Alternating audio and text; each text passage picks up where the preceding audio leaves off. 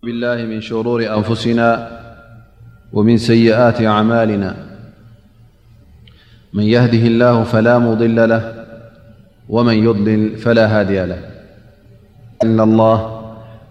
وحده لا شريك له وأشهد أن محمدا عبده ورسوله رب اشرح لي صدري ويسر لي أمري واحلل عقدة من لساني يفقه قولي أما بعد خبركم أحوت السلام عليكم ورحمة الله وبركاته ني لومي درسنا إن شاء الله كب آية مبل سسان أربعة سورة المائدة تنجمرنا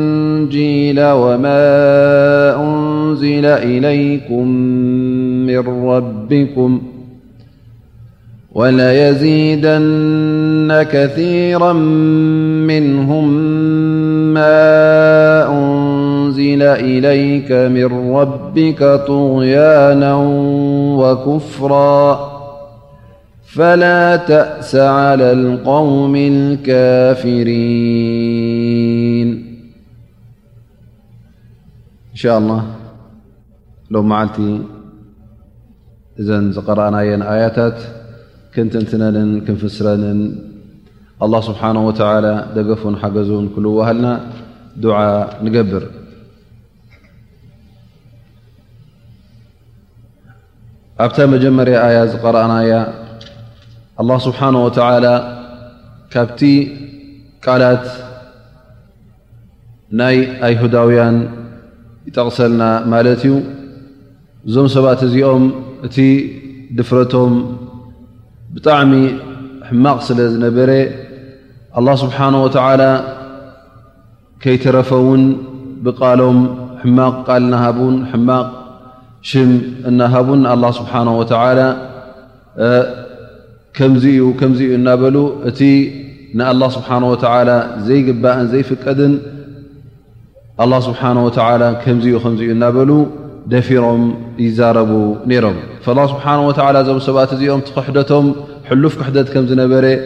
እቲ ዓመፆም ሕሉፍ ዓመፅ ከም ዝነበረ ኣይኮነንዶ ንደቂ ሰብ ምዕማጽ እንታይ ደኣ ኣብ ርእሲኡ'ውን ንኣላህ ስብሓነሁ ወተዓላ ደፊሮም ዘይሽሙን ዘይቅጽሉን እናሃቡ ብሕማቕ ስምን ብሕማቕ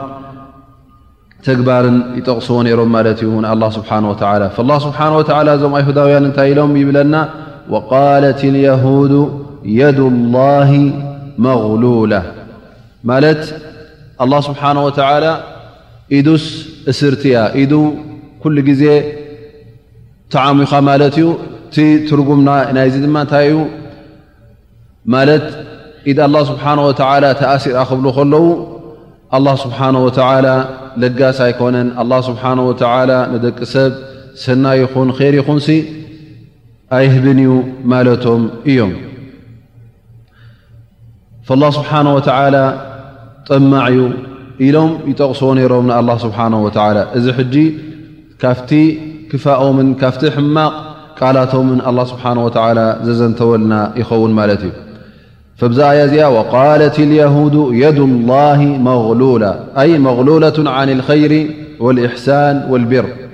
ኢድ ኣላ ስብሓን ወተዓላ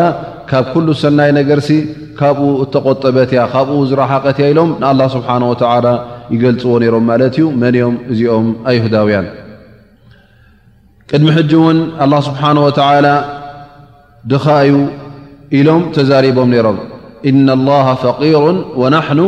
ኣግንያ ንሕና ሃፍታማት ኣላ ስብሓን ወተዓላ ድማ ድኻ እዩ ይብሉ ነይሮም ምክንያቱ ኣላ ስብሓን ወተዓላ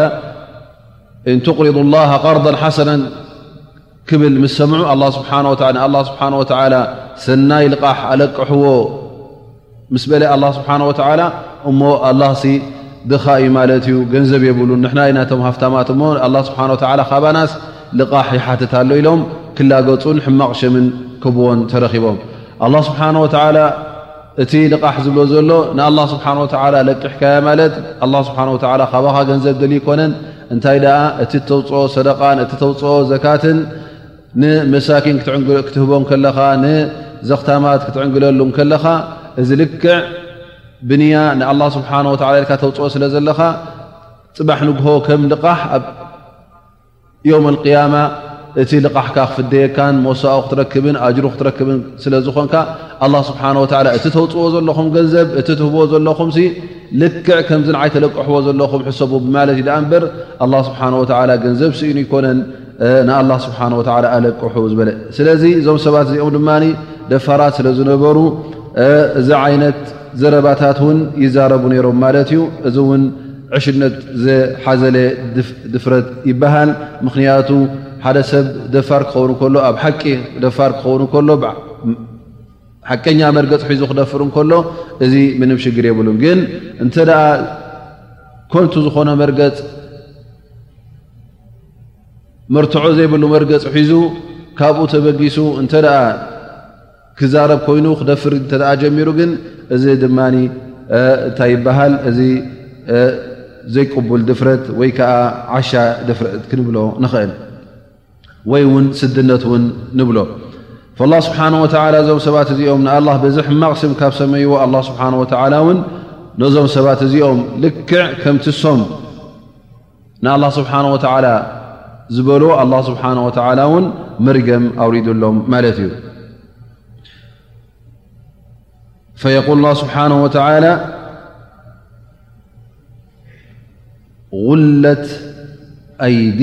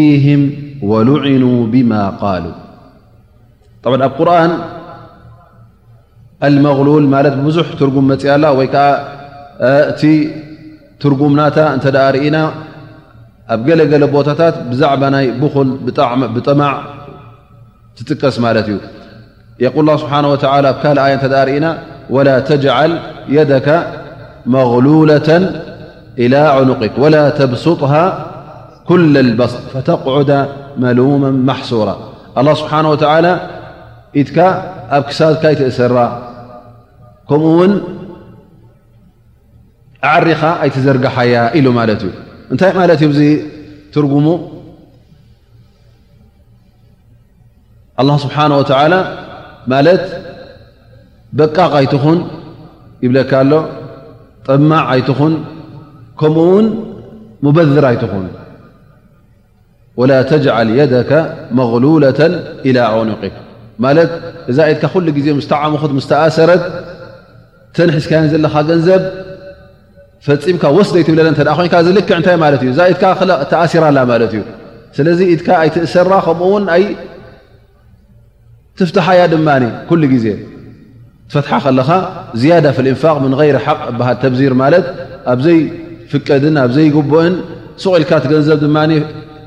ሻሕሻሕ ከተብሎ ክትድርብዮ እውን እዚ ኣላ ስብሓን ወተላ ጌጋ ከም ምዃኑ ሓቢሩና ማለት እዩ እዘ እቲ ዝጥለብ እንታይ ዩ ማእከላይ ክትከውን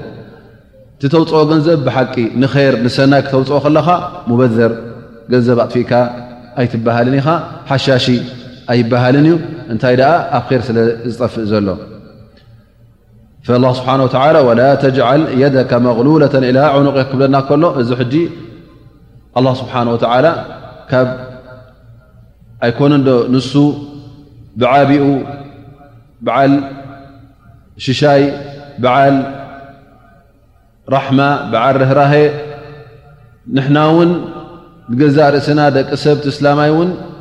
ኣላ ስብሓን ወተላ ጠማዕ ንኸይከውን በቃቕ ንኸይከውን ከልኪልዎ ፈማ ባሉክ ኣላ ስብሓን ወላ እቲ ኣክረሙን ኣክረሚን እቲ ዝሃብተመ እቲ ካብ ሰብ ዘይደሊ ካብኡ ክንደሊ ተዘይኮናስ ፈጺሙ ካብ ሰብ ዘይደሊ ኣላ ስብሓን ወተዓላ ከመይ ጌርካ በዚ ሽም እዚ ትሰምዮ ግን እዞም ሰባት እዚኦም ካብ መገዲ ዝተለተኣለ እዩ ንኣላ ስብሓን ወተዓላ ሓንሳ ድኻ እዩ እነ ላ ፈቂሩ ወናሕኑ ኣቕንያ ይብሉ ንሕና ሃፍታማት ንሱ ድኻ ሓንሳ ድማ ኣላ ስብሓን ወተዓላ ገንዘብ ኣይህብን እዩ እንታይ ደኣ ኩሉ ግዜ እቲ ኒዕማ ናቱን እቲ ሽሻይ ናቱንሲ ናብ ሰብ ኣይበጽሕን እዩ ኢሉ ኢሎም ይዛረቡ ማለት እዩ ላኪን ኣላ ስብሓን ወተላ ብምንታይ መሊስሎም ነዚኦም ሰባት እዚኦም ድማ ልክዕ ከምታ ንኣላ ስብሓን ወተላ ዝበልዋ ኣላ ስብሓን ወተላ ብኣኣ ረጊምዎም በታ ተዛረብዋ ኣላ ስብሓን ወተላ ብኣ ጃዝይዎም ማለት እዩ ብኣ ክቐጢዕዎም ፈላ ስብሓን ወተላ ቃል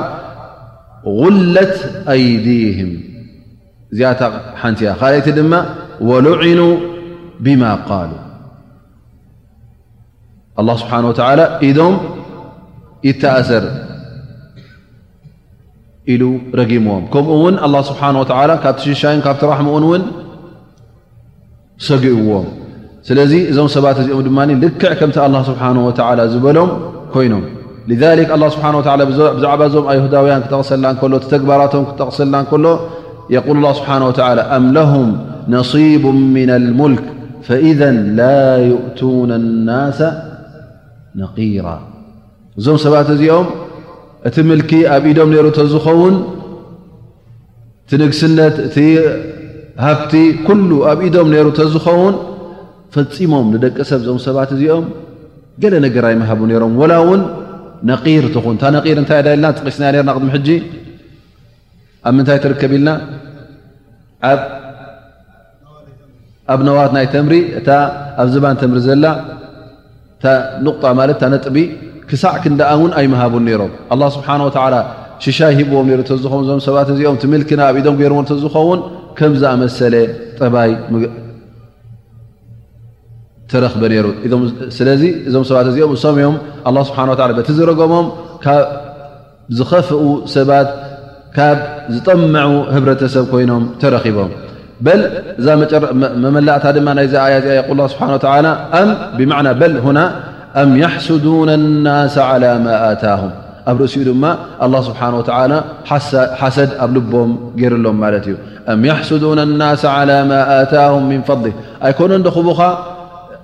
ኣላህ ስብሓን ወተዓላ ዝሃበካ እውን ይሕሱዱኻ ማለት እዮም ስለምንታይ እዚ ሰብ እዚ ረኺቡ ኢሎም ንዓኻ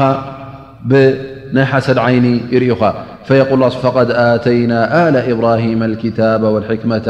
ወኣተይናሁም ሙልከን ዓማ ከምኡ ውን ኣላ ስብሓን ወተዓላ ضሪበት ዓለይህም ዚላ ኢሉ እዞም ሰባት እዚኦም ሕስረትን ውርደትን እውን ኩሉ ግዜ ምስኦም ከም ምዃኑ ኣላ ስብሓን ወተዓላ ስለ ዝረጎሞም ኩሉ ግዜ ርጉማት ኮይኖም እቲ ድኽነት እቲ ጠማዕ እቲ ውርደት ኣላ ስብሓን ወተዓላ ኣብ ዝባኖም ገይርዎም ብድሕሪ እዚ ድማ ኣላ ስብሓን ወተዓላ እቲ ክሳዕ ክንደይ ለዋህ ከም ምዃኑ ውን እቲ ዝበሎ ውን ሓሶት ከም ምዃኑ ኣላህ ስብሓነሁ ወተዓላ የብርሆ ማለት እዩ። ፈየቁሉ ላህ ስብሓነሁ ወተዓላ በል የዳሁ መብሱጠታኒ ዩንፊቁ ከይፈ የሻእ ኣላህ ስብሓነሁ ወተዓላ ፍፁም ኢዱ እሱር ኣይኮነን፣ ፍፁም ጠማዕ ኣይኮነን፣ ፍፁም በቃቕ ኣይኮነን፣ እንታይ ደኣ ኢድ ኣላህ ስብሓነሁ ወተዓላ ኩሉ ግዜ ዝርጉሕ ዝኾነ ኢድ እዩ ካብቲ ሽሻይ ናቱ ካብቲ ብልፅግና ናቱ ንህዝቢ ኮይኑ ንኩሉ ፍጡሩ ኣላ ስብሓን ወተዓላ ከይፀብፀበን ከይቆፀረን ንዝደለዮ ሰብ ይህብ ላ ስብሓን ወተዓላ ምስኡ ዘሎ ሃብቲ ምስኡ ዘሎ ንብረት ማእለያ የብሉን መጨረሻ ውን የብሉን ላ ስብሓን ወተላ ኩሉ ኸልቂ ናቱ እዩ ንኸልቂ እውን ንስኡ ኣላ ስብሓን ወተላ ሽሻይ ዝህቦም ኣብ ለይቲ ዝህቦም ይኹን ኣብ መዓልቲ ኣብ ሓጋይ ዘውርደሎም ይኹን ኣብ ክረምቲ ኣብ መገሸኦም ይኹን ኣብ ዘይገሹሉ እዋናት ኣብ ኩሉ ኩነታቶም ኣላህ ስብሓነሁ ወተዓላ ዝተፈላለየ ንዕኦም ዝኸውን ኣብ ባሕሪ እንተ ኣልዮም ኮይኖም ሽሻይ የውርደሎም ካብ ባሕሪ ኮይኑ ብሰማይ ኮይኑ ኣብ መሬት እንተ ኣለዉ ኮይኖም ኣላህ ስብሓነሁ ወተዓላ እውን ሽሻይ የውርደሎም ኣብ ሃወሆ እንተለዉ እውን ኣላህ ስብሓነሁ ወተዓላ ሽሻይ የውርደሎም ኩሉ ዝኾነ ይኹን ፍጡር ብሽሻይ ኣላህ ስብሓነሁ ወተዓላ ብርዝቂ ኣላህ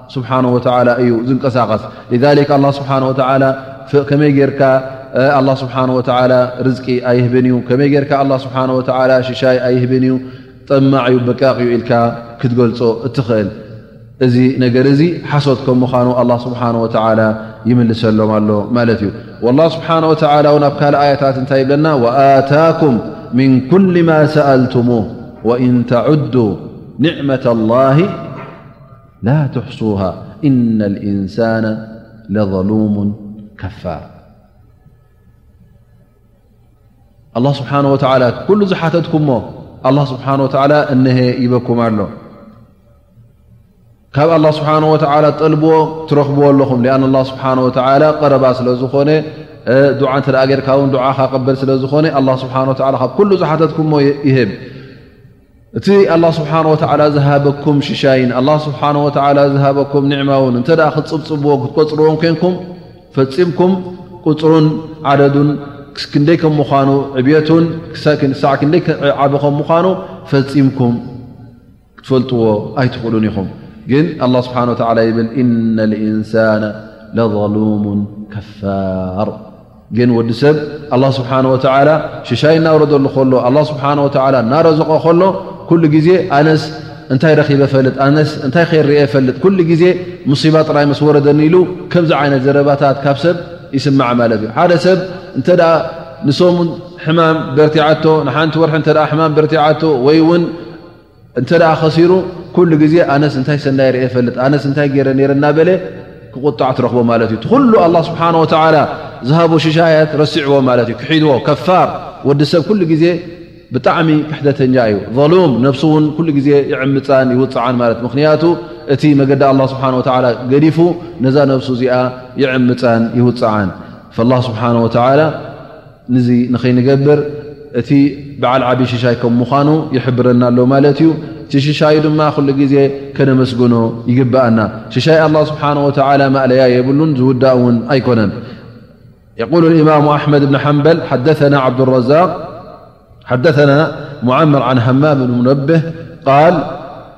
هذا ما حدثنا به أبو هريرة قال قال رسول الله صلى الله عليه وسلم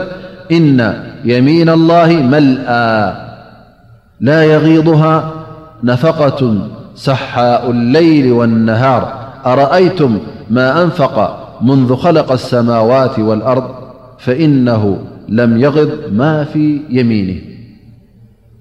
እዚ ሓዲት እዚ ነቢ صለ ላه ለ ሰለም ዝበልዎ ብኣብ ሁረይራ ልማም ኣሕመድ ዝተመሓላለፈ ይብል ኣላ ስብሓን ወተላ የማኑ ኩሉ ግዜ ምልእቲ እያ ፈፂማ እውን ኣይትጎድልን እያ ለይትን መዓልትን ዘፍስሶ ኣላ ስብሓን ወተላ ሽሻይን ርዝቅን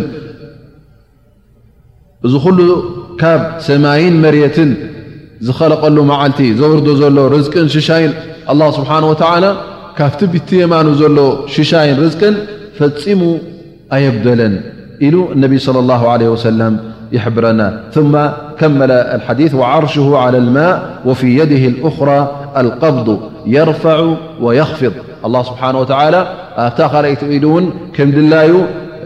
ንገለ ሰብ ካብቲ ሂብዎ ዘሎ ሽሻይ የጉድለሉ ወይ ከዓ የኽብሮን የልዕሎን ላ ስብሓን ወተዓላ ከም ድላዩ እዩ ዝገብር ሽሻይ ድማ ንዚ ድላዩ ከም ዝህብ እዚ ሓዲስ እዚ እውን ይሕብረና ኣሎ ማለት እዩ እንተ ደኣ ኣላ ስብሓን ወተዓላ ሽሻይ ክበካ ዘሊኻ ርዝቂ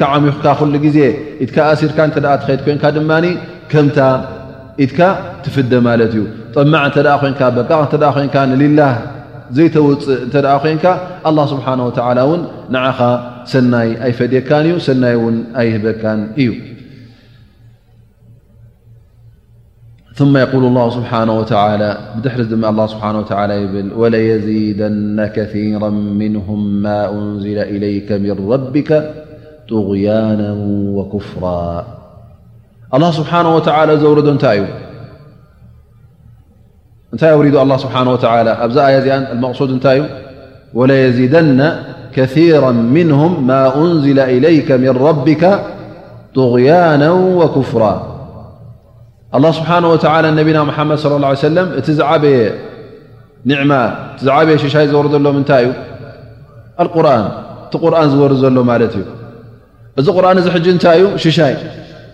ላኪን ኣላ ስብሓን ወተላ ነዞም ሰባት እዚኦም እንታይ ኮይኑዎም ይብል ነዞም ክሓቲ ነዞም ኣይሁዳውያን ብኣንጻሩ ክንዲ ሽሻይ ኣብ ክንዲ ኒዕማ ዝኸውን ኒቕማ ኮይኑ ማለት እዩ ሓስራ ኮይኑ ማለት እዩ ውርደት ጥፍኣት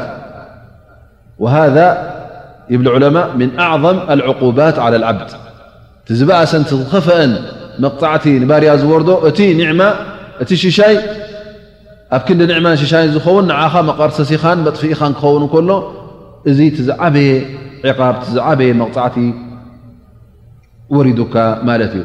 ላህ ስብሓን ወተላ እዞም ሰባት እዚኦም እዞም ፀላእቲ እስልምናን እዞም ፀላእቲ ነቢና ሙሓመድ ስ ሰለም ኣይሁዳውያን ኮይኖም ንዕኦም ዝመስሉ ሰባት እዚ ናብ ሙእምኒን ዝወርድ ዘሎ ኢማን እዚ ናብቶም ሰብ ኢማን ዝወርድ ዘሎ ሓቅታት እዚ ናብቶም ሰብ ኢማን ዝወርድ ዘሎ ኣያታት እዚ ናብ ሰብ ኢማን ዝወርድ ዘሎ ቁርን ኩሉ ግዜ ነዞም ሰብ ኢማን ሰላሕ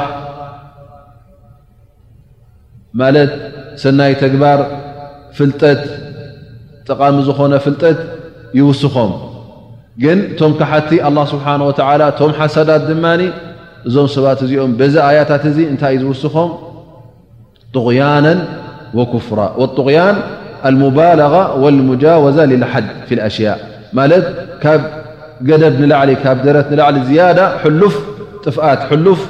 ግህሰት ክገብር እንከሎ ሕጂ እዚ እንታይ ይበሃል ጥቑያን ይበሃል ወኩፍራ ኣይ ተክዚባ ክሕደት ማለት እዩ ነቲ ሓቂ ምንጻግ ላ ስብሓን ወተላ ኣብ ክንዲ እዞም ሰባት እዚኦም እቲ ኣያታት እናወረደ ከሎ እቲ ኢማን እናወረደ ከሎ ኢማን ዝውስኹን ናብ መገዲ ሓቂ ዝቐርቡን ብዝያዳ ካብቲ መገዲ ሓቂ የድሓርሕሩ፣ ብዝያዳ ካብቲ መገዲ ሓቂ ይርሕቁ፣ ብዝያዳ ናብ ጥፍኣት ገጾም የስዕቡ ኢሉ ኣላ ስብሓን ወተዓላ ይሕብረና። እቲ ቁርን ኣላ ስብሓን ወተዓላ ክገልጾ ከሎ እንታይ ኢሉ? የቁል ላ ስብሓን ወተላ ነቢና ሓመድ ቁል ኣያ ሙሓመድ ቁል ሁወ ልለذነ ኣመኑ ሁደን ወሽፋእ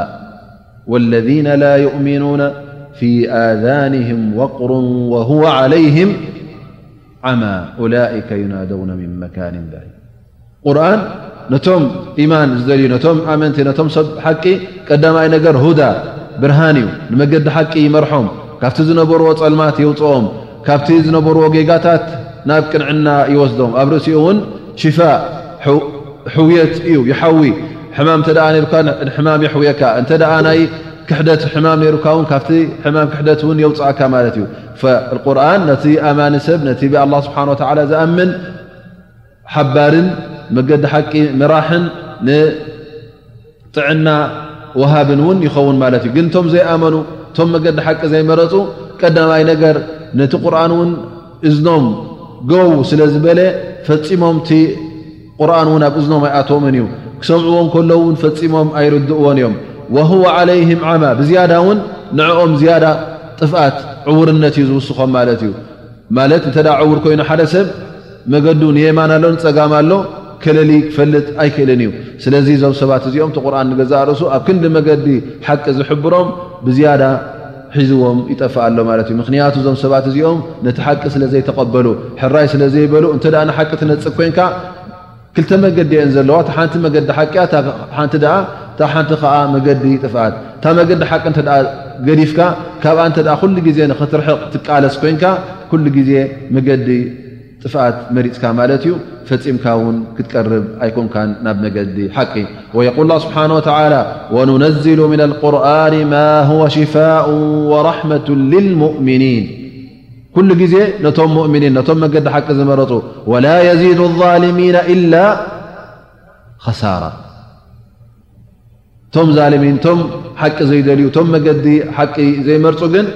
እንታይ እዩ ክውስኾም ጥፍኣት ክሳራ እዩ ክውስኾም ላ ስብሓን ወተላ እንተ ኩሉ ግዜ ካብቲ መገዲ ሓቂ ካብቲ ቁርን ርሕቕ ኣለና ኮይንና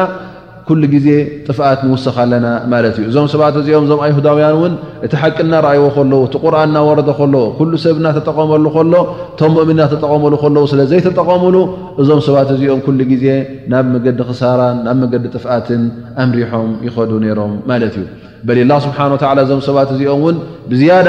ኣብቲ ርእሲ መርገሞም መርገም ወሲኽዎም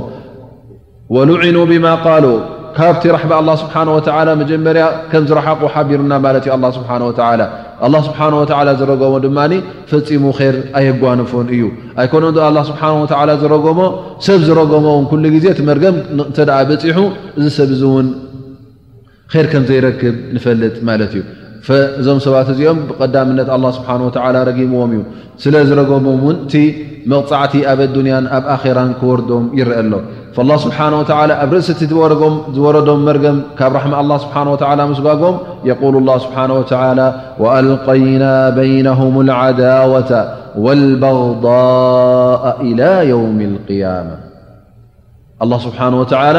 ነዞም ሰባት እዚኦም ነዞም ኣይሁዳውያንን ነዞም ጸላእቲ እስልምና እውን ንገዛእ ርእሶም ነንሕዶም ኩሉ ግዜ ከም ዘይፋተዉ ከም ዘይቀራረቡ ኣልቀይና በይነሁም ልዓዳዋ ጽልኢ ከም ዝርከብ ኣብ ውሽጦም ሓደ ኢድ ኩሉ ግዜ ከም ዘይኮኑ በብዓይኖም ጋንታታት በብዓይነቶም ጋንታታት በብዓይነቶም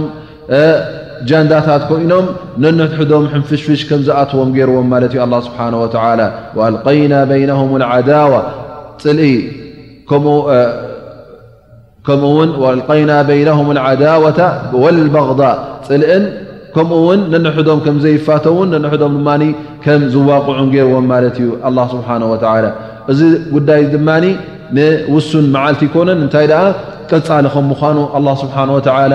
ኢላ የውም ልቅያማ ይብለና ማለት እዩ ወልበغዳ ኢላ የውም ልቅያማ ፈፂሞም እዞም ሰባት እዚኦም ኣብ ሓቂ ከምዘይጅምዑን ኣብ ሓቂ ከምዘይእከቡን ኣላ ስብሓን ወተላ ሓቢሩና ማለት እዩ እዞም ሰባት እዚኦም ድማ ኩሉ ግዜ እከይ ተግባር ከም ዝገብሩን ኣንጻርቲ እስልምና ከም ዝቃለሱን ኣንጻርቲ ሓቂ እውን ኩሉ ግዜ ሕማቕ ንኽገብሩ እከይ ንኽገብሩ ይቃለሱ ከም ምዃኖም ግን ኣላ ስብሓን ወተዓላ እቲ ተግባሮም ኩሉ ግዜ ከም ዘፍሽሎን እቲ ተግባሮም ኩሉ ግዜ ከም ዝሰብሮን ኣላ ስብሓን ወተዓላ ይብለና ኩለማ ኣውቀዱ ናራን ልልሓርብ ኣጥፋእሃ ላህ እዞም ሰባት እዚኦም ፀላእቲ ሓቂ ስለ ዝኾኑ ንነቢና ንነቢና ዓለ ሰላት ወሰላም ኩሉ ግዜ ዕንቅፋት እዮም ዝገብሩ ነይሮም ኩሉ ግዜ ኣንጻሩ ሰብ ንክእክቡን ኣንጻር ነቢና ሙሓመድ ለ ላ ሰለም ዝቃለሱ ንቁሬሽ ኮይኖም ንካልኦት ቀቢላታት ኣቕሪቦም ኣምፂኦም እንታይ እዮም ዝገብሩ ነይሮም ኩናት ከም ዝኣጉዱ ይቃለሱ ነይሮም በቢ ዓይነቱ ውዲት እናኣለሙ ነዚ ጉዳይ እዚ ንኽርክብ እውን ይቃለሱ ነይሮም ላኪን ኣላ ስብሓን ወተላ ኩለማ ኣውቀዱ ናራ ልሓርቢ ኣጥፋኣሃ ላ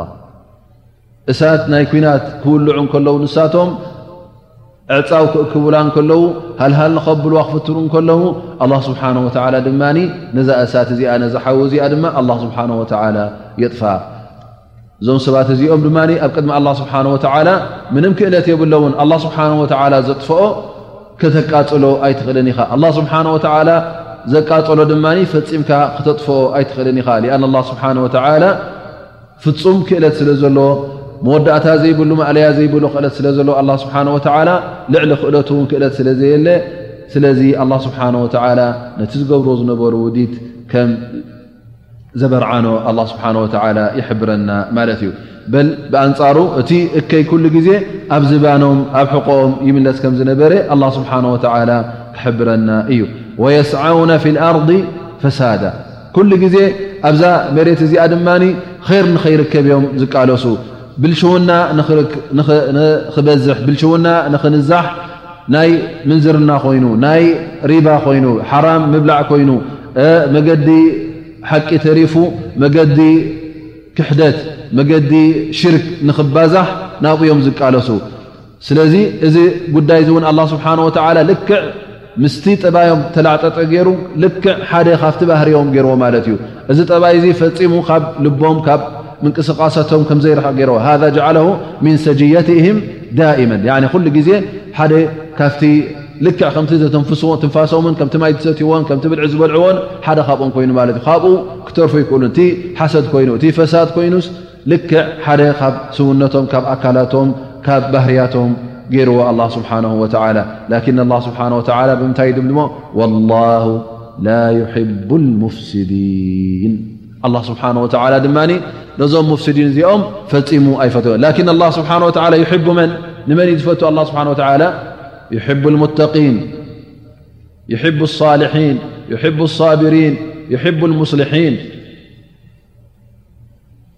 ወዩሒቡ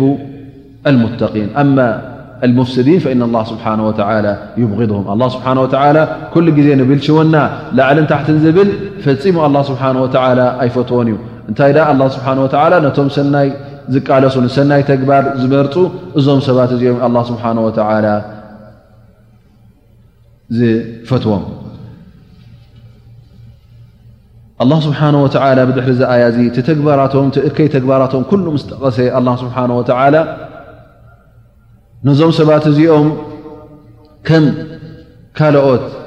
ህዝቡ ከም ካልኦት ባሮቱ ገይሩ ብሓደ ዓይኒ ከም ዝርኦም ሰናይ እንተ ደኣ ገይሮም እውን ሰናይ ክፈድዮም ከም ምዃኑ ሰናይ ክኽሕሶም ከም ምዃኑ ኣላህ ስብሓን ወተዓላ ሓቢሩና እዩ። ኣብዛ ትመጽእ ዘላ ኣያ እንታይ ይብል ኣላህ ስብሓን ወተዓላ ወለው ኣነ ኣህለ ልክታብ ኣመኑ ወተቀው እዞም ኣህለ ልክታብ ኣልየሁድ ወነሳራ እዞም ክርስትያን ይኹኑ እዞም ኣይሁዳውያን ብሓቂ ኣሚኖም ነይሮም እተ እተዝኾኑ ብኣላህ ስብሓን ወተዓላ ሓደ ከም ምዃኑ ኣላ ስብሓን ወተዓላ እሱ ፈጣሪ ንዕኡ ጥራይ ክነምልኽ ንዕኡ ጥራይ ክንእዘዝ ከም ዘለና ቀጥ ኣቢሎም ነዚ ጉዳይ እዚ ሒዞሞ ነይሮም እንተዝኾኑ በቲ ዝወረዶም ክታብ እውን ኣሚኖም ነይሮም እንተዝኾኑ በቲ ዝተላእከዎም ነቢይ እውን ቀጥ ኣቢሎም እቲ ዝሃቦም ትእዛዛት ሒዞም ነይሮም እንተዝኾኑ ወተቀው ነቲ ኣላህ ስብሓን ወተዓላ ዝኣዘዞም ኩሉ እውን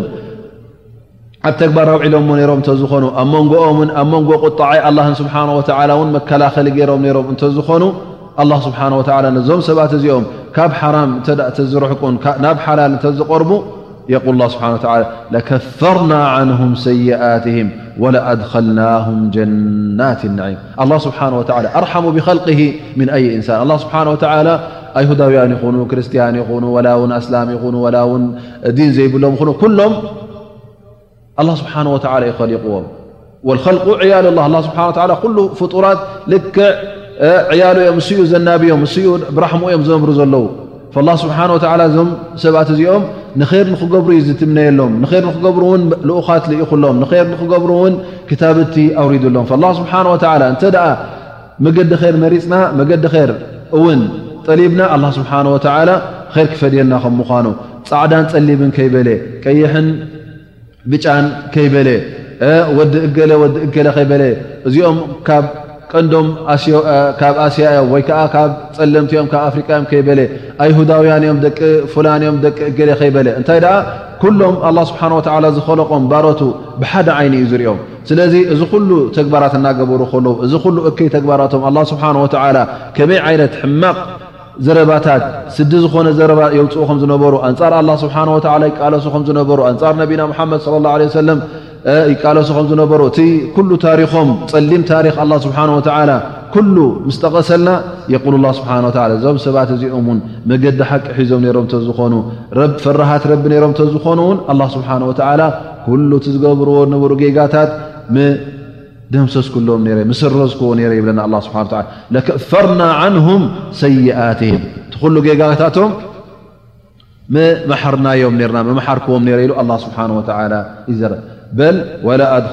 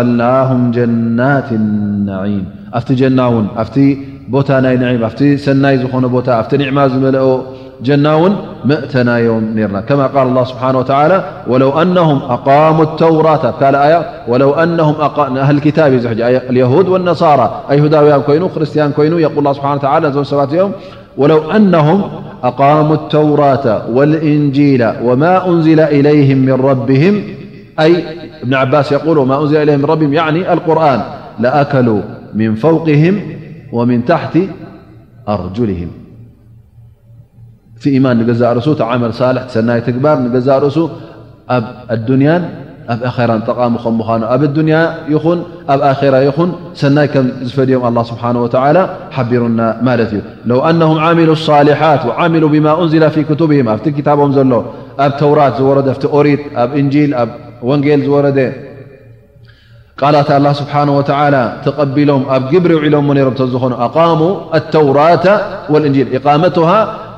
ኣቒሞማ ማለት ብልክዕ ከምቲ ኣላህ ስብሓነሁ ወተዓላ ዘውረዳ ቀጥ ኣቢሎም ሒዞም ኣብ ግብሪ ከውዕልዋ ማለት እዩ እንተ ደኣ ግን ብናቶም ድላዮም እናእተዉ ንገለ እናፍረሱ ንገለ እናተቐበሉ እንተ ደኣ ሒዞማ ግን ኢቃማ ይበሃልን እዩ ሊኣኖ ኢቃመቱ ሰላት ክብለና ከሎ ኣላ ስብሓን ወተላ እውን ነዛ ሰላት ኣቁማ ክትበሃል እንከለኻ እንተ ብዘይ ውዱእ ትሰግዳ ኮይንካ እንተ ብዘይ ክሹዕ ትሰግዳ ኮይንካ እንተ ኣልሓምዱ ከይቀረእካ ትሰግዳ ኮይንካ ሃል ኢቃመቱ ሰላት ጌርካ ትሕስብ ኣይሕስብን እዩ ልዛሊክ እዞም ሰባት እዚኦም ብሓቂ ነቲ ተውራት ንኦሪት ንእንጂል ንወንጀል ብሓቂ ከምቲ ንሕና ዘውረድናዮ ቀጥ ኣቢሎም ሒዞም ኣቑሞሞ ነይሮም እተዝኾኑ ኣላህ ስብሓነሁ ወተዓላ ከምኡ ውን ነቲ ብድሕሪኡ ዝወረደ ክታብ ምኽንያቱ ንገዛእ ርእሱ እቲ እንጂል ይኹን ኣብ ተውራት ይኹን ኣላ ስብሓን ወተዓላ ብድሕሪ ነብይላህ ዒሳ ነቢና ሙሓመድ ለ ላሁ ለ ሰለም ከም ዝመፅእ ኣበሲርዎም ነይሩ ማለት እዩ ንዕኡ ቀጥ ኣቢሎም ሒዞም ነይሮም ተዝኾኑ ትኺኢሎም እውን ነቲ ኣብ ቁርን ዝወረደ ኣያታት እውን ቀጥ ኣቢሎም መሓዝዎ ነይሮም እዚ ገይሮም እንተዝኾኑ ድማ ከማ ቃል ኣላ ስብሓን ወተላ ለኣከሉ ምን ፈውቅህም ወምን ታሕቲ ኣርጁልህም ኣላ ስብሓን ወተላ እቲ ሽሻይ ብላዕልን ብታሕትን ምኸስከሰሎም ነይሩ ብላዕሊ ናይ ዝናም ሽሻይ ኮይኑ ብታሕቲ ድማ እቲ ዝበቁል ነገራት ኮይኑ ኣላ ስብሓን ወተላ ምሃቦም ነይሩ ስለዚ እቲ ኒዕማ እቲ ሽሻይ እቲ ርዝቂ መዓሽ እዩ ዝመፀካ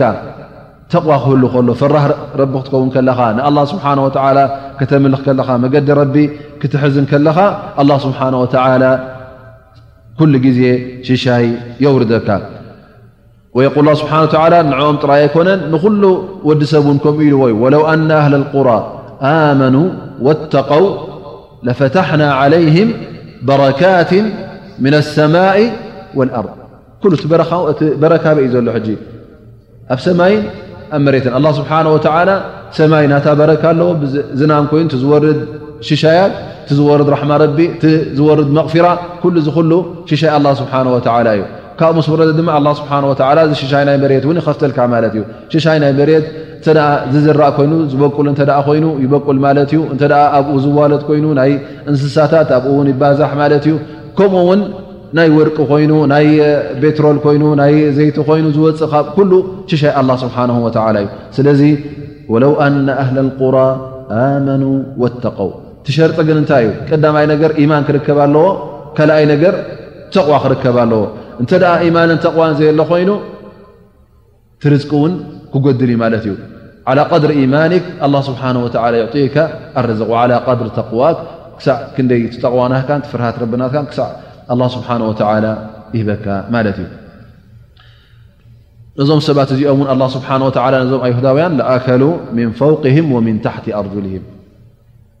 ቀረባ ማለት እዩ ገይሩሎም ኣላ ስብሓን ወተላ ምን ታሕቲ ኣርጁልህም ኣብ እግርኻ ዘሎ ነገር ሕጂ ርሑቕ ኣይኮነን ብቀሊል ነገር ትረኽቦ ኣለኻ ማለት እዩ ላ ስብሓን ወላ እቲ ርዝቂ እውን ንገዛእ ርእሱ ኣብቲ እግሮም ኣብ ጥቕኦም ምኾነ ነይሩ ኢሉ ኣላ ስብሓን ወተላ ይሕብረና ማለት እዩ ላኪን ኣላ ስብሓን ወተላ እዞም ሰባት እዚኦም ምንሁም እመቱ ሙቅተሲዳ ወከሩ ምንሁም ሳኣ ማ ያዕመሉን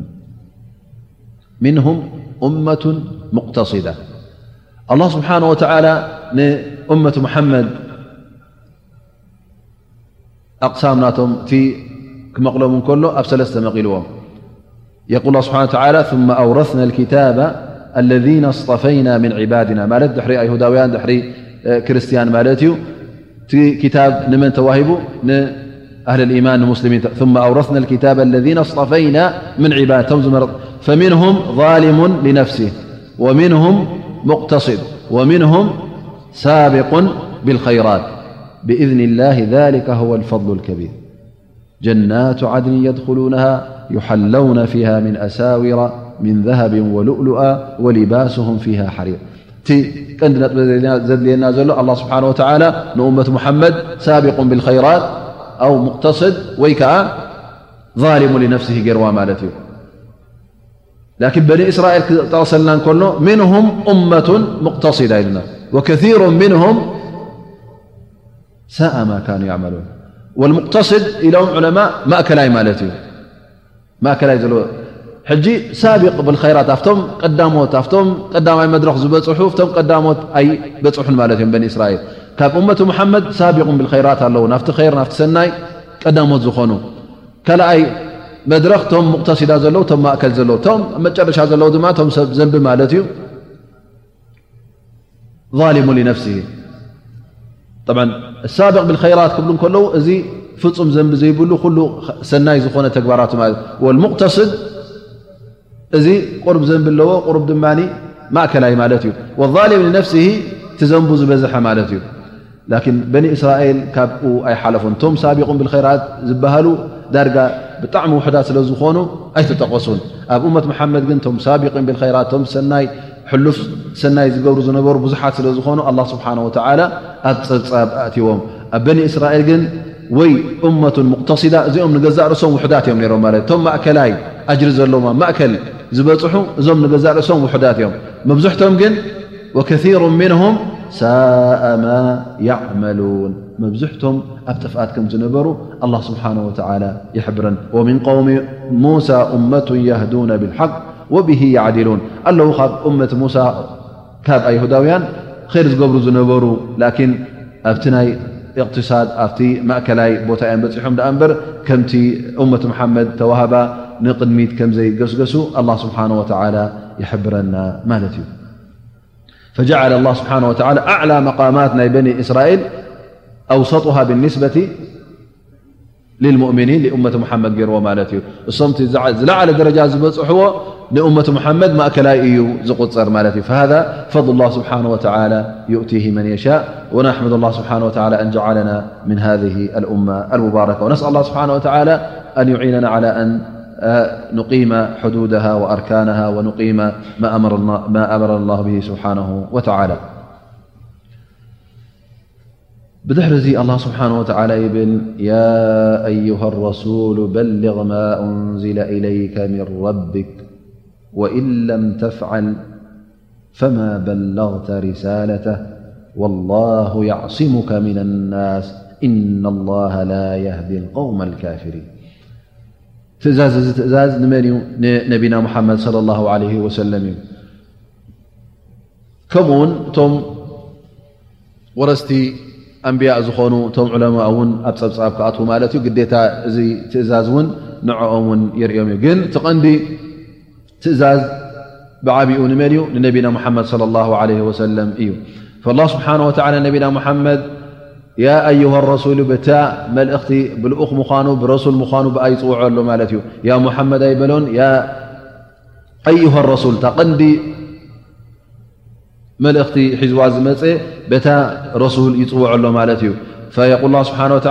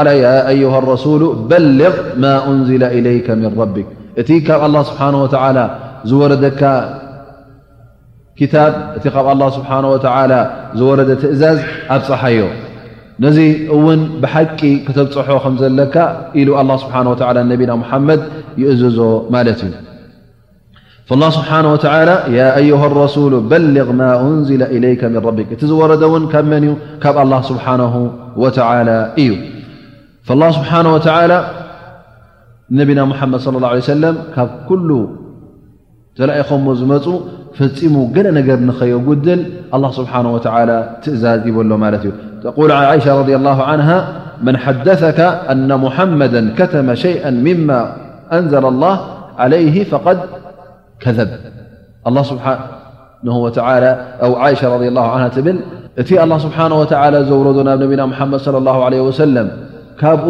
ነቢና ሙሓመድ ስ ሰለም ገለ ኣትሪፎም እዮም ገለ ኣይነገሩናን ኢሉ ዝዛረበካ ሰብ ሓሳዊ እዩ ኣን ላ ስብሓ ወላ ነቢና ሙሓመድ ያ ኣዩሃ ረሱሉ በልግ ማ እንዝላ ኢለይከ ምን ረቢክ ኢሉ ስለ ዝኣዘዞ ኩሉ እቲ ኣላ ስብሓን ወተላ ዝኣዘዞ ከም ዘብፅሖ በሪሁልና እዩ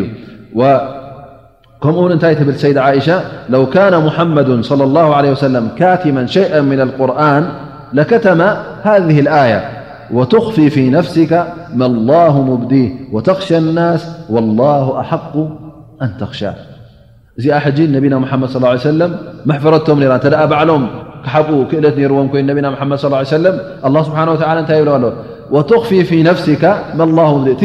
ክትሓብኦ ኣብ ነፍስኻ ሓሲብካ ዘለኻ ኣላ ስብሓን ወተዓላ ከግህዶ እዩ እሞ እስኻስ ወተኽሸ ናስ ስለምንታይ ሰብ ትፈርህ ወላ ኣሓቁ ኣንተኽሻ ጠብ እዛ ነጥቢ እዚኣ ኣብ ምንታይ እያ ነራ ኣብ ናይ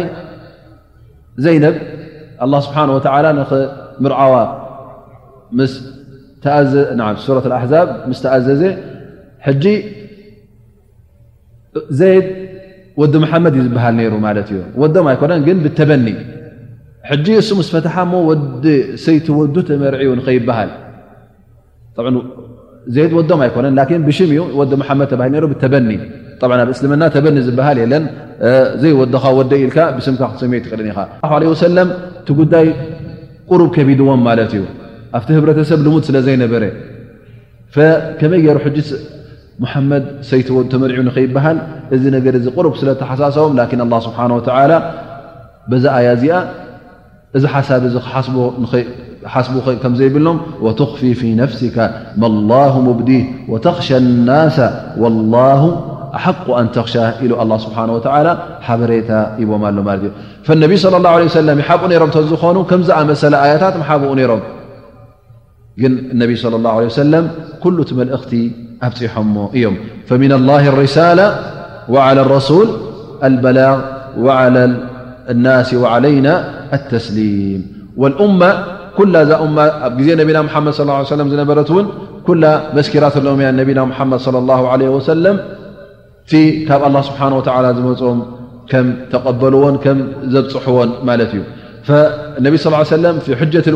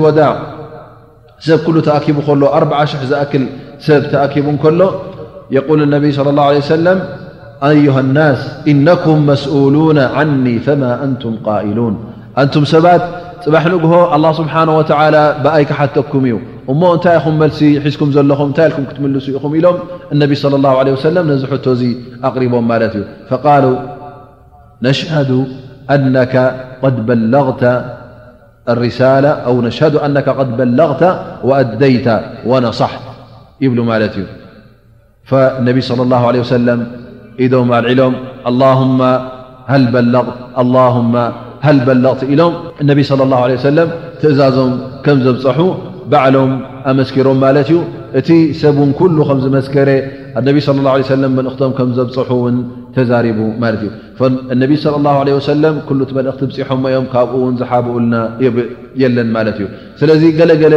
ሰባት ይብሉ እዞም ብሕልፊ ኣብቲ ናይ መዝሃብ ናይ ሺዓ ዝርከብ ነቢ ኣሎ ካልእ ቁርን ካልእ ኣያታት ዝተሓብአ ኣሎ ዝብሉ እነቢ ስለ ላሁ ለ ወሰለም ዝሓብኦ ኮይኑ ወይ ከዓ ብድሕሪኡ ተሓብአ እዚ ዘረባ እዚ ቅኑዕ ከም ዘይኮነ በዚ ኣያ እዚ ክንምልሰሉ ከም ንኽእል በሪሁልና ማለት እዩ ሊኣን ኣላ ስብሓን ወተላ የቁል ወኢን ለም ተፍዓል ፈማ በለغተ ሪሳለተ ያዕኒ እንተ ደኣ እቲ ዝተዋሃብካዮ ትእዛዝ እቲ ኩሉ ኣላ ስብሓን ወተዓላ ዝበለካ እንተ ሓንቲ ነገር ካብ ኣጉዲልካ እቲ መልእኽቲ ኣየብፃሕካን ማለት እዩ ኢሉ ኣላ ስብሓን ወተዓላ ንነቢና ሙሓመድ ስ ላ ሰለም የጠንቅቖም ማለት እዩ ስለዚ እቲ ኩሉ ኣላ ስብሓን ወተዓላ ዝሃቦም መልእኽቲ ከም ዘብጽሕዎ፣ እቲ መልእኽቲ እውን ከምቲ ኣላህ ስብሓነሁ ወተዓላ ዝኣዘዞ፣ ከምቲ ኣላህ ስብሓነሁ ወተዓላ ዝደለዮ እውን ነቢና ሙሓመድ ሰለላሁ ዓለይሂ ወሰለም ተሰኪሞም ናብ ህዝቢ ከም ዘብጽሕዎ በሪሁልና ማለት እዩ። ፈኢን ከተምተ ኣየተን ሚማ ኡንዚለ ኢለይከ ሚን ረቢክ ለም ቱበሊግ ሪሳለተ፣ ዝኾነት ኣያ፣ ዝኾነት ቃል፣ ሕብኣያ ደኣ እምበር ኣላህ ስብሓን ወተዓላ እንተ ሓቢእካያ እዚ መልእኽትኻ ከምዘየብጻሕካ እዩ ዝሕብር ኢሉ ኣላ ስብሓን ወተዓላ ነቢና ሙሓመድ ስለ ላ ሰለም የጠንቅቖም ማለት እዩ ኣብ ርእሲኡ ድማ ኣላ ስብሓን ወተዓላ እቲ መልእኽቲ ከይፈርሁ ካብ ጸላእቶም ንኸብጽሕዎ እውን ይሕብሮም ማለት እዩ ያን ኣላ ስብሓን ወተዓላ የቁል ወላሁ ያዕሲሙካ ምንናስ ምናልባሽ እንተ ኣነስ እዚ መልእኽቲ እዚ ናብ ፍላን ናፍትን ናፍትን ኣብጺሐዮም ከይቀትሉኒ ከይጎድኡኒ እቲ መልእኽቲ ከየብጻሕኩ ከለኹ ዝብል ሓሳብ እውን ክህልዎ ከም ዘይብሉ ነቢና ሙሓመድ ስ ላ ሰለም ኣላ ስብሓን ወተዓላ ይሕብር ማለት እዩ ወላሁ ያዕስሙካ ምና ናስ እዘን ፈጺምካ ካብ ዝኾነ ይኹን ሰብ ኣይትፍራህ ኣላ ስብሓን ወተዓላ ክሕልወካ እዩ ኣላ ስብሓን ወተዓላ ክዕውተካ እዩ ኣላ ስብሓን ወተዓላ ምሳኻ ኣሎ ኣላ ስብሓን ወተዓላ ክድግፈካ እዩ ኣንጻር ጸላእትኻ ይኹን ኣንጻርቶም ንዓኻ ዕንቅፋት ዝገብሩ ዘለዉ ኣላ ስብሓን ወተዓላ ካብኦም ክትፈርህ የብልካን ካብኦም እውን ክትጥንቀቕ የብልካን እንታይ ደኣ ኣላ ስብሓን ወተዓላ ኣብ ልዕሊኦም ፀብላልትነት ከም ትገብር ክገብር እዩ ስለዚ ፈፂምካ ክትፈርህ የብልካን እቲ መልእኽቲ እውን ኣብ ኩሉ ቦታ ኣብ ኩሉ ሸነኻት ከተብፅሖ ኣለካ ኢሎም ኢሉ ኣላ ስብሓን ወተዓላ ንነቢና ሙሓመድ ለ ላ ለ ወሰለም ይሕብሮምን ይእዝዞምን ማለት እዩ ዓእሻ ረض ላ ን ትብል ላሁ የዕስሙካ ምና ናስ እዛ ኣያ እዚኣ ትብል ሓደ ግዜ ነቢ صለ ላ ለ ወሰለም ለይቲ ኣይደቅሱን ሓቲተዮም ትብል ያ ረሱላ ላ እንታይ ኮንካ ኢኻ ዘይደቀስካ ምናልባሽ ገለ ሰሚዖም ነሮም ይኮኑ ምናልባሽ ፀላእቲ ምንቅስቃሳት ከም ዘለዎም ፈሊጦም ነሮም ማለት እዩ ነቢ ስ ሰለም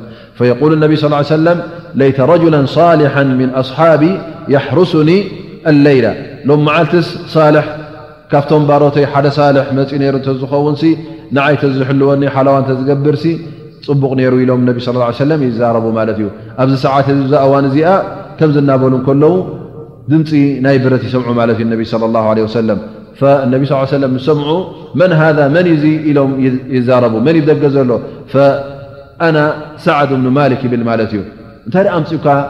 ለይቲ ምድሪ ይብሉ ነቢ ስ ሰለም ፈየቁል ጅእቱ ኣሕርሱካ ያ ረሱላ ላ ኣነስ ንዓኻ ንክሕሉ ኢለየ መፅየ ፈነቢ ስ ሰለም ንሱ ምስ መፀ በጥ ኢሎም ይድቅሱ ማለት እዩ እሱ ክሕሉ ምስ መፀ ፈነቢ ስለ ላ ለ ሰለም ግን እዛ ኣያ እዚኣ ምስ ወረደት ወላ ያዕሲሙካ ምንናስ ብድሕሪ እዛ መዓልቲ እዚኣ ቶም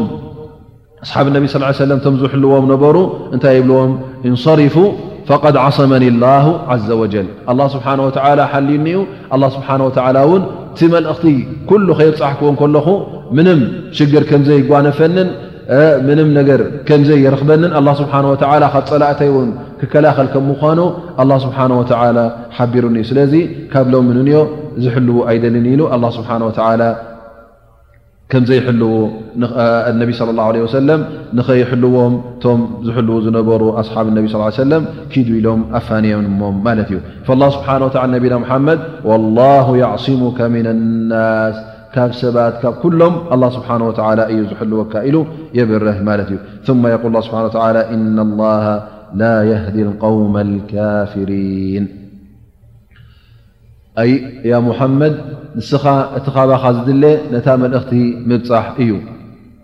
እቶም ካሓድቲ እንታይ ኮይኖም ዘይተቀበልዎ እንታይ ኮይኖም ዘይሃደዩ ኢልካ ኣይትሸገር ሊኣን ኣላ ስብሓን ወተላ የህዲ መን የሻእ ወዩድሉ መን የሻ ኣላ ስብሓን ወተላ ናቱ ድልት እዩ ከም ድላይ እዩ ዝገብር ስለዚ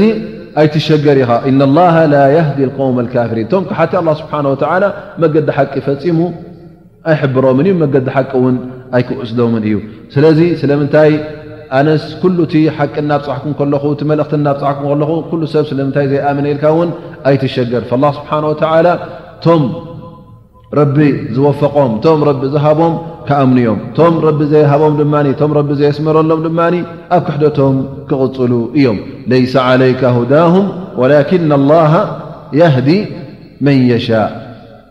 ለይሰ ዓለይከ ሁዳሁም ፅባሕ ንግሆ ኣላ ስብሓን ወተዓላ ንነቢና ሙሓመድ ስ ሰለም ኮይኑ ነቶም ዑለማእ ኮይኑ ስለምንታይ ንስኻ ንፍላን ንፍላን ዘይሃደኻዮ ስለምንታይ መገዲ ሓቂ ዘየትሓዝካዮ ስለምንታይ ኣብ እስልምና ዘየእተኻዮ ስለምንታይ ካብቲ ዝነበሮ ማዕስያ ናብ ር ዘየእተኻዮ ኣይበሃልን እዩ ኣይሕተትን እዩ ለይሰ ዓለይከ ሁዳሁም ናትካ ስራሕ ኣይኮነን ካባኻ ዝድለ ያ ሙሓመድ ከማ ቃል ኣላ ስብሓን ወተላ ፈኢነማ ዓለይከ ልበላግ ትብፃሕ ኣለካ እታ መልእኽቲ ምብፃሕ እያ እቶም ዑለማ ድማ እታ መልእኽቲ የብፅሑ ነቶም ዱላል ነቶም ጥፉኣ ዘለዉ ነቶም ክሓቲ ኮይኖም ነቶም ሙእምኒን ኮይኑ የዘኻኽሩ እንተ ደኣ ተጠቒሞም ኣላ ስብሓን ወተላ ወፊቕዎም ማለት እዩ እንተ ደኣ ዘይተጠቐሙ ግን ኣላ ስብሓን ወተላ ይወፈቐሙን ሊዛሊክ እስኻ ኣይኮንካን ብዛዕባ እዚ ነገር ነዚ ነገር እዚ ትሓሳሰቦ ወይ ከኣ ነዚ ነገር እዚ ትቆጻጸሮን ትጽብጽቦን ሊኣን ኣላህ ስብሓነሁ ወተዓላ የቁል ፈኢነማ ዓለይከ ኣልበላጉ ወዓለይና ኣልሒሳብ ኣላህ ስብሓነሁ ወተዓላ ጽባሕ ንግሆ ነቲ ዝኸሓደ ስለምንታይ ክሒድካ ኢሉ እዩ ሓቶ ነቲ ዝኣመነ ድማ በቲ ኢማኑ ኣላህ ስብሓነሁ ወተዓላ ኼር ዓሚቕ ዓቚሩሉ ይጸንሕ ኣብ ዮመል ቂያማ ብሰናይ እውን ይኽሕሶ ማለት እዩ ስለዚ እታ መልእኽትኻ ያ ሙሓመድ በሊቕ ማ ኡንዚለ ኢለይክ እቲ ሒዝካ ዘለኻ እቲ ኣላ ስብሓን ወተላ ዘውረደልካ ንዑ ጥራይ ምብፃሒ እታ ስራሕካ ካልእ ስራሕ የብልካን ካልእ እውን ኣይክትሕተትን ኢኻ ኢሉ ኣላ ስብሓን ወተላ ነቢና ሙሓመድ እታ ቐንዲ ሞያን እታ ቐንዲ ካብኦም እትድለ እንታይ ከም ምዃና ይሕብሮም ማለት እዩ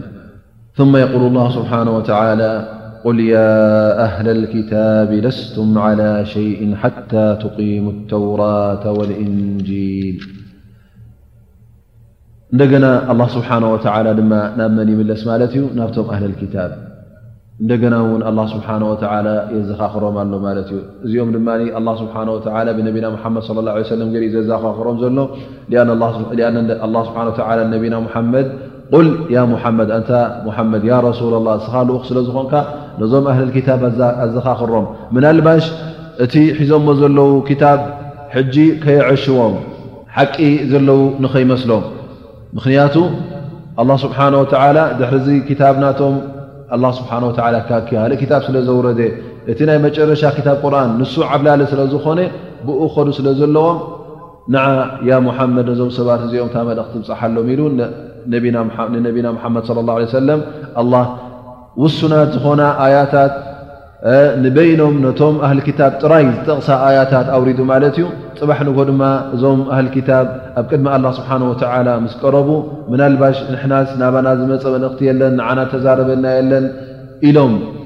ምስምሳ ንኸይረኽቡ፣ ምኽንያት ንኸይረኽቡ ኣላህ ስብሓነሁ ወተዓላ ኣብ ተፈላለየ ሱራታት ኣብ ተፈላለየ ኣያታት ንኣህለል ክታብ ጥራይ ዘርኢ ኣያታት ኣውሪዱ ማለት እዩ። ፈየቁሉ ላህ ስብሓነሁ ወተዓላ ቁል ያ ኣህለል ክታቢ ለስቱም ዓላ ሸይእ እቲ ዘለኹም ኣትሒዝኩሞ ዘለኹም ወላ ሓንቲ ኣይኮነን ረብሓ የብሉን ማለት እዩ ጥቕሚ የብሉን ማለት ኣብ ዲን ማለት እዩ ኣብ ዲንሲ ትሒዝኩሞ ዘለኹምሲ ዲን ኣይኮነን ብሓቂ ዲን እንተ ክተቑሙ ደሊኹም ነቲ ተውራት ነቲ እንጂል ኣብ ኦሪትን ኣብ ወንጌልን ዘሎ እቲ ሓቂ ንዕኡ ቐጥ ኣቢልኩም ሕዙ ናብኡ ተመለሱ ሓታ ትቂሙ ተውራተ ወልእንጂል ብኡ እንተ ኣሚንኩም በቲ ኣላ ስብሓን ወላ እቲ ቐንዲ ክታብ ተውራት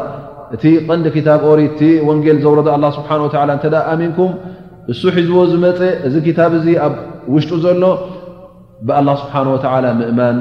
ብመላእካ ምእማን፣ ብዮውም ኣልቅያማ ምእማን፣ በቶም ዝሓለፉ ኣንብያ ምእማን፣ ከምኡ ውን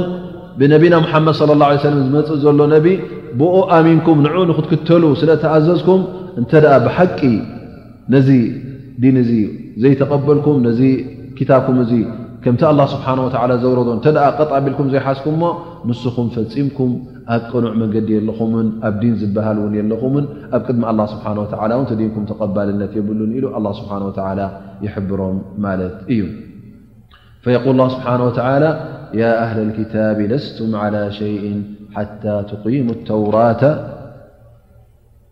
ወልእንጂለ ወማ ኡንዝለ ኢለይኩም ምን ረቢኩም ከምኡ ውን እቲ ካብ ኣላ ስብሓን ወተዓላ ዝወረደኩም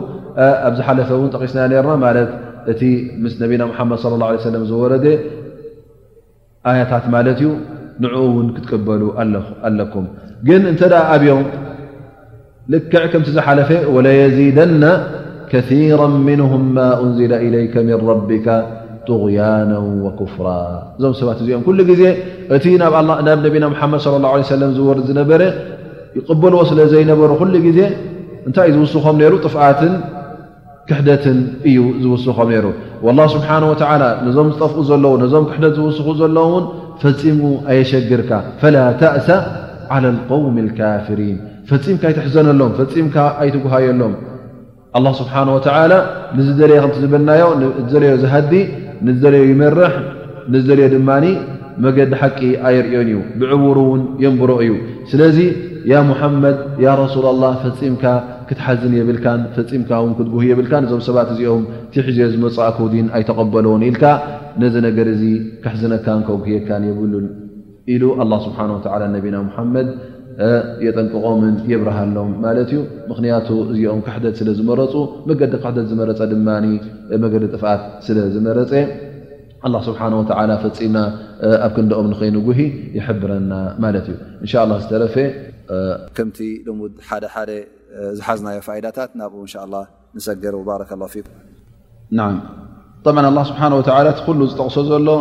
ናይ ኩሉ ግዜ እዩ እዚ ጠባይ እዚ ናይ ኣይሁዳውያን ጠባይ ኣብ ግዜና ይኹን ኣብቲ ዝሓለፊ ግዜ ኩሉ ግዜ ቐፃሊ እዩ ኣላህ ስብሓን ወተዓላ እዚ ነገር እዚ ኩሉ ቀፃሊ ከም ምዃኑ ይሕብረና ኣሎ ማለት እዩ ኣን ኣላ ስብሓን ወላ ኣብቲ ኣየ ኢላ ዮም ልቅያማ ኢሉ ጠቒስዋ ማለት እዩ ፈኢዘን እዚ ጠባይ እዚ ቀፃሊ ከም ምዃኑ እዩ ዝሕብረና ዞ ኣብቲ ግዜ ነቢና መሓመድ እወ ነይሩ ብዝያዳ ይረአ ነይሩ ኸውን ኣብዚ ግዜና ድማ ኣሎ ግን እቲ ሙእምን ንገዛእ ርእሱ እቲ መገዲ ኢማን ስለ ዘይሓዘ ኩሉ ግዜ እቲ ሽግራት ውን ዝወርዶ ዘሎ ብቀድሪ እቲ ካብቲ ኢማን ምርሓቁ እቲ ሽግራት ይወርዶ ማለት እዩ ብቀድሪ ኣብ ኢማን ምቅራቡ ኣላ ስብሓን ወተላ ውን ካብቲ ዝወርዶ ሽግራት ኣላ ስብሓን ወተላ የቃልለሉ ማለት እዩ ኣላ ስብሓን ወተላ ኣንፃር ኣይሁዳውያን ኮይኑ ኣንፃር ካልኦት ኮይኑ እቲ እስላማይ መገዲ ረቢ ሒዙ ክቃለስ እንተ ኮይኑ ካብ መገዲ ረቢ እንተ ደኣ ርሕቕ ኣሎ ኮይኑ ኣላ ስብሓን ወተዓላ እቶም ፀላእቲ ኣላ ይኹኑ እቶም ፀላእቲ እስልምና ይኹኑ ንዕኦም እውን ይስልጠልካ እዩ ማለት እዩ ስለዚ መቕፃዕቲ እውን ክኸውን ይኽእል እዩ እዚ ስለምንታይ እዩ ስለ እስኻ ካብቲ መገዲ ሓቂ ዝረሓካ እንተ እቲ ሙእምን ግን ኣብ መገዲ ሓቂ ኣሎ ኮይኑ ኣላ ስብሓን ወተላ እቲ ዓወት ኮይኑ እቲ ሰናይ ኮይኑ እቲ ኢጥፋእ ናር እቲ ፀላእትኻ ዝገብርዎ ዘለዉ ውዲታት ንኡ